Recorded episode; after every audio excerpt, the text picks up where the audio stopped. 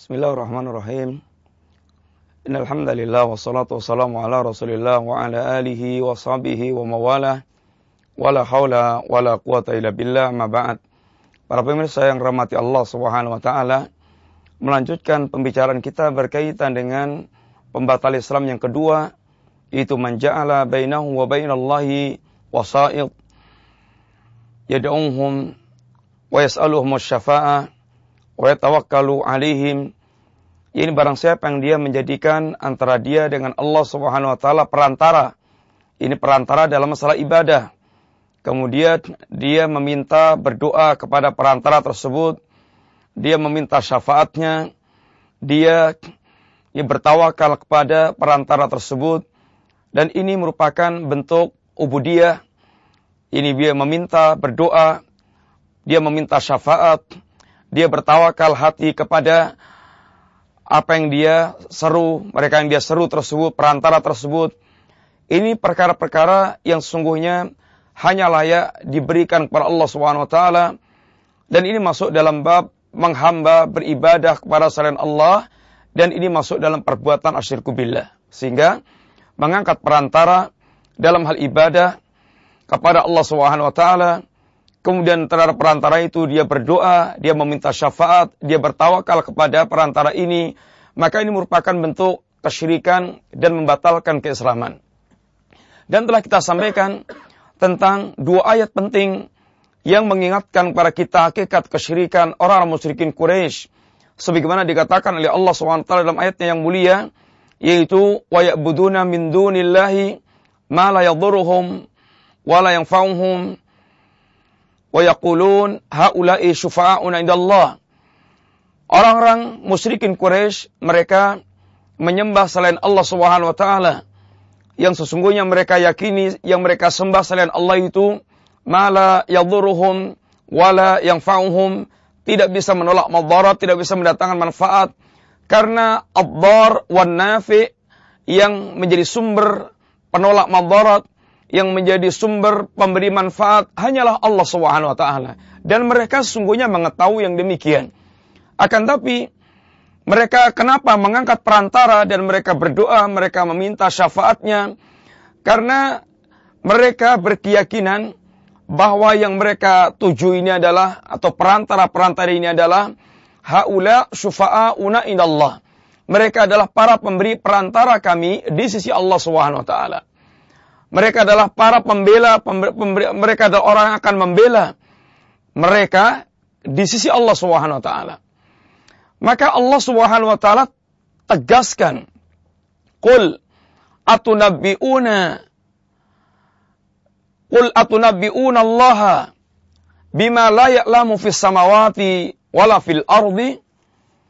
Apakah kalian memberitakan kepada Allah apa yang dia tidak mengetahui apa yang di langit dan yang di bumi, Allah Subhanahu wa taala membantah apakah mereka yang katanya mengangkat perantara, yang katanya para perantara itu adalah pemberi, para pembela mereka di sisi Allah Subhanahu wa taala. Apakah mereka memberitahukan kepada Allah apa yang mereka tidak tahu perkaranya? Alias mereka itu mengada-ada mereka itu berkeyakinan tanpa ilmu. Mereka hanya berangkat dari sangkaan-sangkaan. Maka dikatakan Allah tentang perbuatan mereka ini. Iya tabi'una ila dhan wa matawal anfus. Mereka tidak mengikuti kecuali yang mereka itu adalah ini dhan, sangkaan-sangkaan. Dan tahwal anfus dan apa yang cocok dengan selera hawa nafsu mereka. Dan ayat yang telah kita sampaikan yaitu walladzina tahadhu min dunihi awliya'a ma na'buduhum illa liqarribuna ila Allah sulfa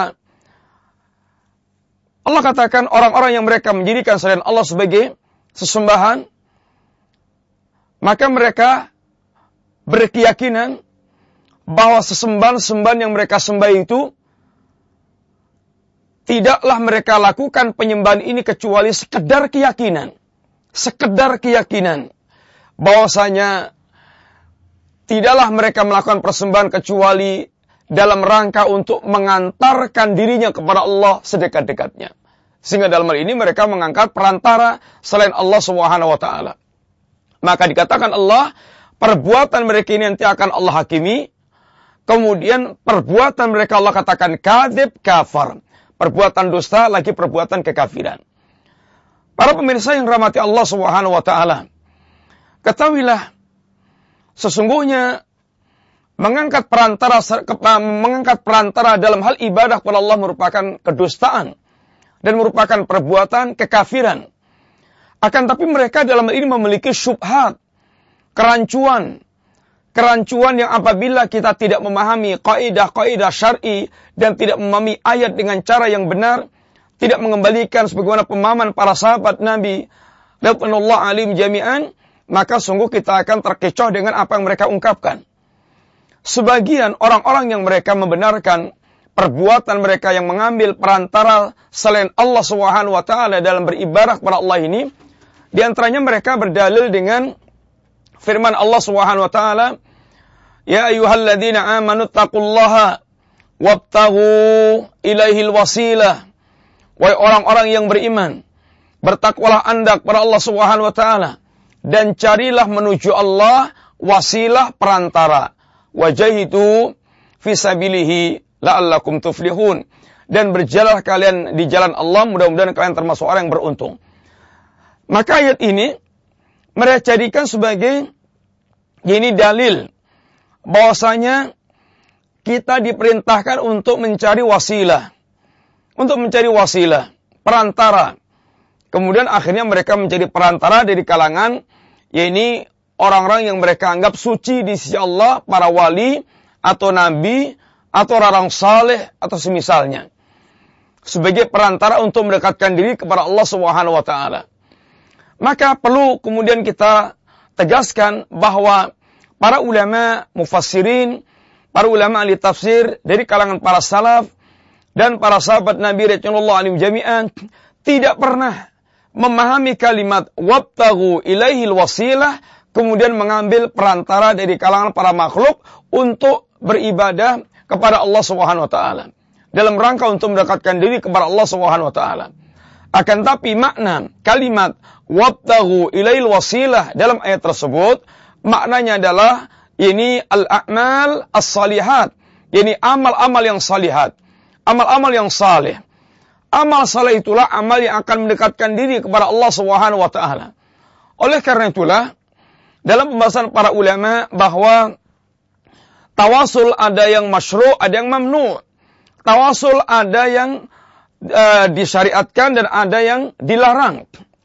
Adapun tawasul yang disyariatkan sebagaimana telah dilakukan oleh Nabi dan para sahabat Rasulullah SAW, di antaranya adalah tawasul dengan amal saleh. Tawasul dengan amal saleh, maka ini masyru'. Artinya bertawasul dengan amal saleh, yaitu dia sebelum dia meminta kepada Allah Subhanahu wa taala, sebelum dia berdoa kepada Allah Subhanahu wa taala, maka dia menyebutkan amal-amal saleh yang pernah dia lakukan.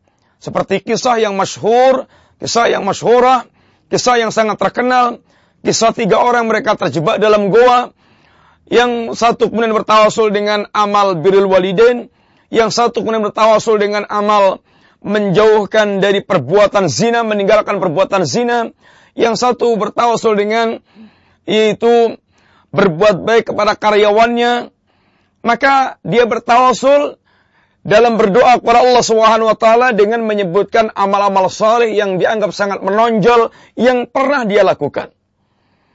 Yang kedua, tawasul yang masyru' adalah tawasul dengan al-asma atau dengan asma Allah al-husna. Dengan nama-nama Allah yang baik. Walillahi al-asmaul husna. Allah Subhanahu wa taala memiliki nama-nama yang indah. Fad'uhu biha. Maka berdoalah Anda kepada Allah dengan nama-nama Allah yang indah tersebut sehingga bertawasul dengan nama-nama Allah ini sebelum kita meminta apa yang kita minta kepada Allah maka kita mengawali doa kita dengan menyebut nama-nama Allah Subhanahu wa taala. Ya Rahman ya Rahim. Ya Rahman ya Rahim irhamni. Ya Allah ya Rahman ya Rahim ya Jalil ya Aziz ya Ghaffar dan seterusnya. Maka kemudian dia meminta sebelum meminta dia mengawali dengan menyebut berbagai macam nama-nama Allah Subhanahu wa taala. Ini tawasul yang masyru' yang dibolehkan oleh syariat dan bahkan diperintahkan. Yang ketiga, tawasul dengan tauhid. Sebagaimana dalam ayat Rabbana inna sami'na munadiyan yunadi lil iman an aminu bi rabbikum fa'amana. Rabbana faghfir lana dhunubana wa kaffir anna sayyiatina wa tawaffana ma'al marar. Ya Rabb, kami telah mendengar adanya seorang penyeru yang menyeru agar beriman kepadamu maka kami beriman. Kemudian setelah dia menyebutkan keimanannya, tauhidnya, baru dia meminta kepada Allah, Rabbana lana dan seterusnya ayat yang telah yang ada dalam surat Ali Imran. Kemudian tawasul dengan doanya orang saleh yang masih hidup. Sebagaimana tawasulnya Abbas dengan doanya tawasulnya Umar bin Khattab radhiyallahu anhu dengan doanya paman Rasulullah yaitu Abbas radhiyallahu anhu. Ini tawasul dengan doanya orang saleh. Ini di antara yang disebut oleh para ulama tentang tawasul yang masyru'. Adapun tawasul yang mamnu, tawasul yang terlarang adalah tawasul dengan ini uh, orang-orang yang telah meninggal. Orang yang telah yang telah wafat. Maka bertawasul dengan mereka merupakan perbuatan asyirku billah, kesyirikan kepada Allah Subhanahu wa taala. Dan tawasul dengan jah, dengan kemuliaan uh, dari makhluk Allah Subhanahu wa taala, kemuliaan nabi atau kemuliaan sahabat, ini merupakan tawasul yang beda. Sehingga tawasul ada yang syirik, ada yang bid'ah, ada yang tawasul yang masyru' yang dibolehkan sebagaimana telah kita terangkan secara singkat tentang perincian masalah tawasul tadi. Para pemirsa yang dirahmati Allah Subhanahu wa taala, kemudian juga di antara syubhat orang yang mereka melakukan tawasul adalah firman Allah Subhanahu wa taala. Bahwasanya dalam firman Allah Allah katakan, "Ulaika alladziina yad'una yabtaghuna ila rabbihimul wasilah ayyuhum aqrab wa yarjuna rahmatah wa yakhafuna adabah." Orang-orang yang mereka seru mereka mencari wasilah menuju Allah Subhanahu wa taala.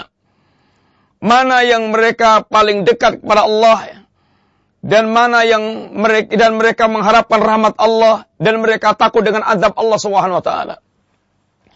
Ulaika alladziina yad'una ila rabbihimul wasilah.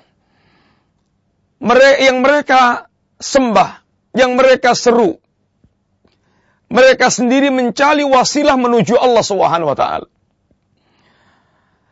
Di sini para ulama menjelaskan bahwa ayat ini berkisah tentang Nabiullah Isa atau jin muslim atau orang saleh yang mereka sembah. Bahwasanya orang-orang saleh yang mereka sembah sendiri atau jin muslim, jin yang tadi mereka sembah, kemudian jin itu masuk Islam, dan orang yang menyembah tidak tahu kalau jin telah masuk Islam. Nabi, jin salih ini, mereka sendiri, yabtahuna ila rabbihimul wasilah. Mencari wasilah menuju Allah SWT. Dan wasilah ini adalah amal-amal salih yang akan mendekatkan diri kepada Allah SWT. Dan mereka ini adalah orang-orang yang sangat mengharapkan rahmat Allah, dan mereka ini para hamba yang takut dengan azab Allah Subhanahu wa taala. Sehingga ayat ini justru menerangkan kepada kita bahwasanya para nabi dan orang saleh yang mereka sembah, yang mereka bertawasul dengannya, justru mereka sendiri beramal saleh untuk mendekatkan diri kepada Allah dan tentu tidak layak yang mereka mengharapkan Allah dan mereka takut kepada Allah, mereka sembah jadikan sebagai perantara untuk mendekatkan diri kepada Allah Subhanahu wa taala. Kemudian para pemirsa yang rahmati Allah Subhanahu wa taala, demikian juga di antara syubhat mereka bahwasanya mereka tidak mau dikatakan bahwasanya mengambil orang soleh ini merupakan perbuatan syirik. Mengambil wasilah, berwasilah, bertawasul dengan orang soleh ini merupakan perbuatan kesyirikan.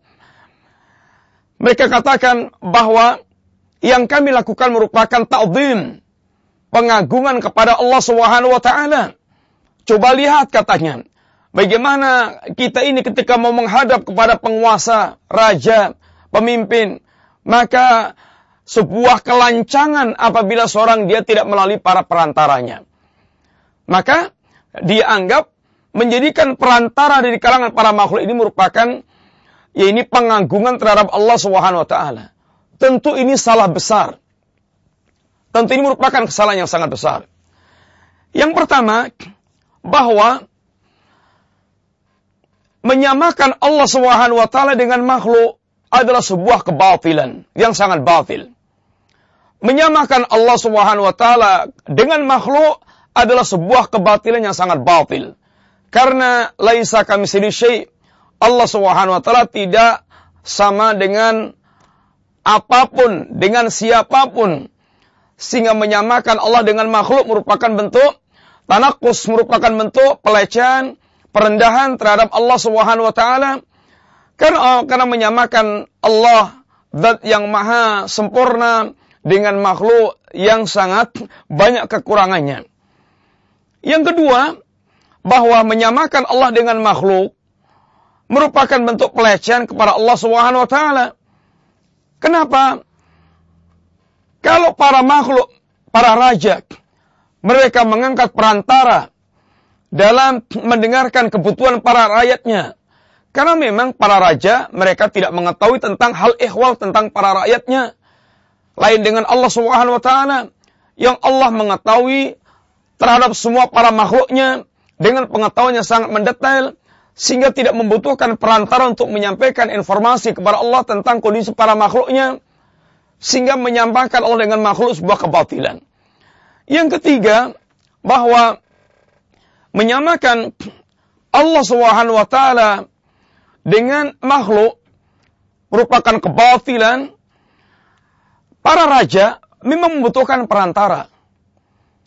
Karena para raja sendiri membutuhkan para penolong-penolong yang akan melanggengkan kekuasaannya, kerajaannya, mengukuhkan kerajaannya. Sedangkan Allah Subhanahu wa taala tidak membutuhkan sama sekali kepada para makhluk. Allah zat yang maha kaya, yang maha berdiri sendiri. Allah semua makhluk membutuhkan Allah dan Allah tidak membutuhkan makhluk. Sehingga menyamakan Allah dengan makhluk merupakan sebuah kebatilan yang sangat batil. Kemudian juga di antara kebatilannya bahwa para raja dunia biasanya mereka ini orang-orang yang tidak memiliki kendak baik kepada rakyatnya kecuali yang dirahmati Allah taala dan itu sangat sedikit sekali. Rata-rata mereka banyak yang keras hatinya, zalim, sehingga membutuhkan orang-orang yang bisa meluluhkan hatinya, melunakkan hatinya, sehingga mereka berkeinginan untuk memberikan kepada para rakyatnya. Adapun Allah Subhanahu wa taala Arhamur Rahimin. Allah Subhanahu wa taala zat yang Maha Pengasih, penyayang para para makhluknya. Sehingga para pemirsa yang rahmati Allah Subhanahu wa taala merupakan sebuah kebatilan yang sangat batil seandainya dalam menegakkan akidah mengangkat perantara antara dia dengan Allah dari kalangan para makhluk dalam rangka mendekatkan diri kepada Allah sedekat-dekatnya. Dan mereka yakini sebagai pemberi syafaat di sisi Allah SWT merupakan perbuatan pengagungan kepada Allah bahkan ini merupakan perbuatan syirik yang merupakan hakikat perbuatan syirik yang di uh, yang di yang dengannya Allah dan Rasulnya mengkafirkan musyrikin Quraisy Hakikat perbuatan syiriknya orang-orang musyrikin Quraisy adalah mengangkat perantara dalam hal ibadah kepada Allah Subhanahu wa taala dari kalangan para makhluk. Kemudian kita tutup majelis kita ini, ini apa yang menjadi keinginan mereka dengan para perantara. Bahwasanya para perantara mereka mereka katakan haula syufa'auna indallah. Mereka adalah para pemberi syafaat kami di sisi Allah Subhanahu wa taala maka yang pertama telah kita sampaikan, Allah membantah mereka ketika mereka mengangkat perantara dan mereka yakini sebagai pembela mereka di sisi Allah, pemberi syafaat mereka di sisi Allah, hal tunabbi'una Allah bima la ya'lamu fis samawati wala fil ardi.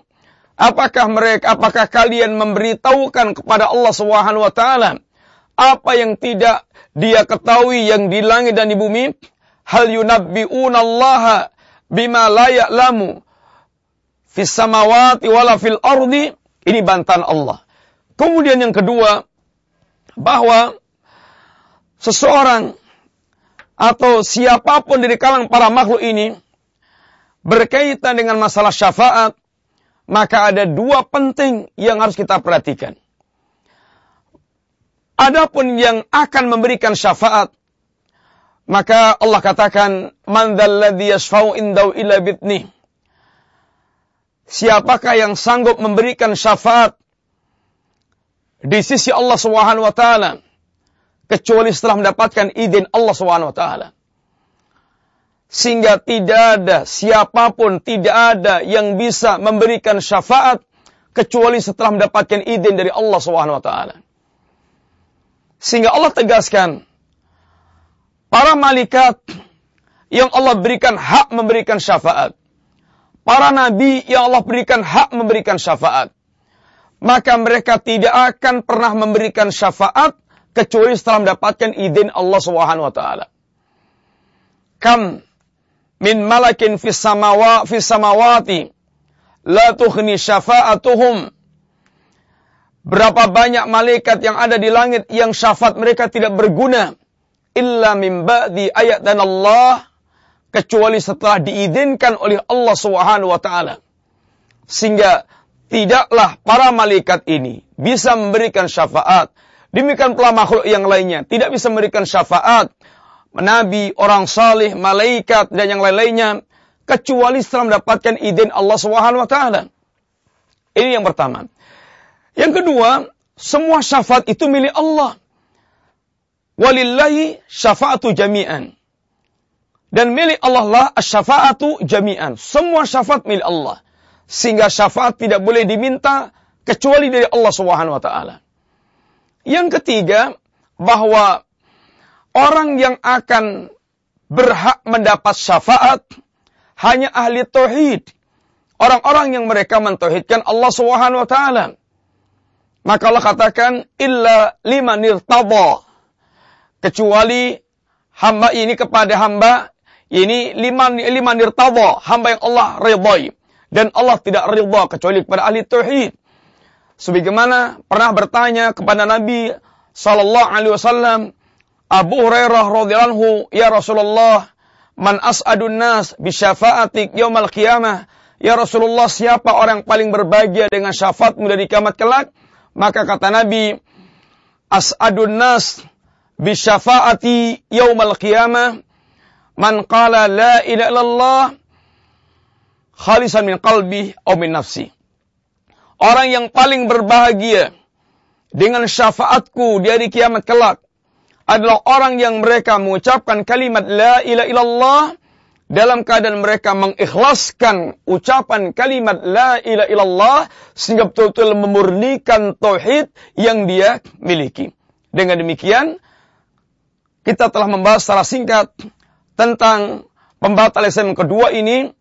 Bahwasanya barang siapa yang mengangkat perantara antara dia dengan Allah dalam masalah ibadah maka sungguh dia telah terjatuh dalam amalan yang merusak yakni keislaman dia membatalkan keselamatan dia karena Allah Subhanahu wa taala diibadai tanpa perantara, tidak menggunakan perantara dan orang mereka mengharapkan syafaat dari selain Allah, ketahuilah bosnya syafaat milik Allah secara total dan tidak akan siapa pun dari kalangan para makhluk, nabi, malaikat atau wali bisa memberikan syafaat kecuali setelah diizinkan Allah Subhanahu wa taala dan tidaklah akan diberikan syafaat kecuali orang yang mereka di dunia ahli tauhid mentauhidkan Allah Subhanahu wa taala. Mudah-mudahan Allah masukkan kita di antara hamba yang akan mendapatkan syafaatnya Nabi setelah kita berusaha untuk menegakkan tauhid di dunia ini dan mudah-mudahan Allah Subhanahu wa taala menjadikan kita di antara para hamba umat Muhammad yang paling berbahagia dengan syafaat Rasulullah sallallahu alaihi wasallam setelah kita berusaha untuk mewujudkan tauhid yang sangat agung ini. Demikian mudah-mudahan manfaat. Wassallallahu ala nabiyyina Muhammadin wa ala alihi wasallam. Assalamualaikum warahmatullahi wabarakatuh.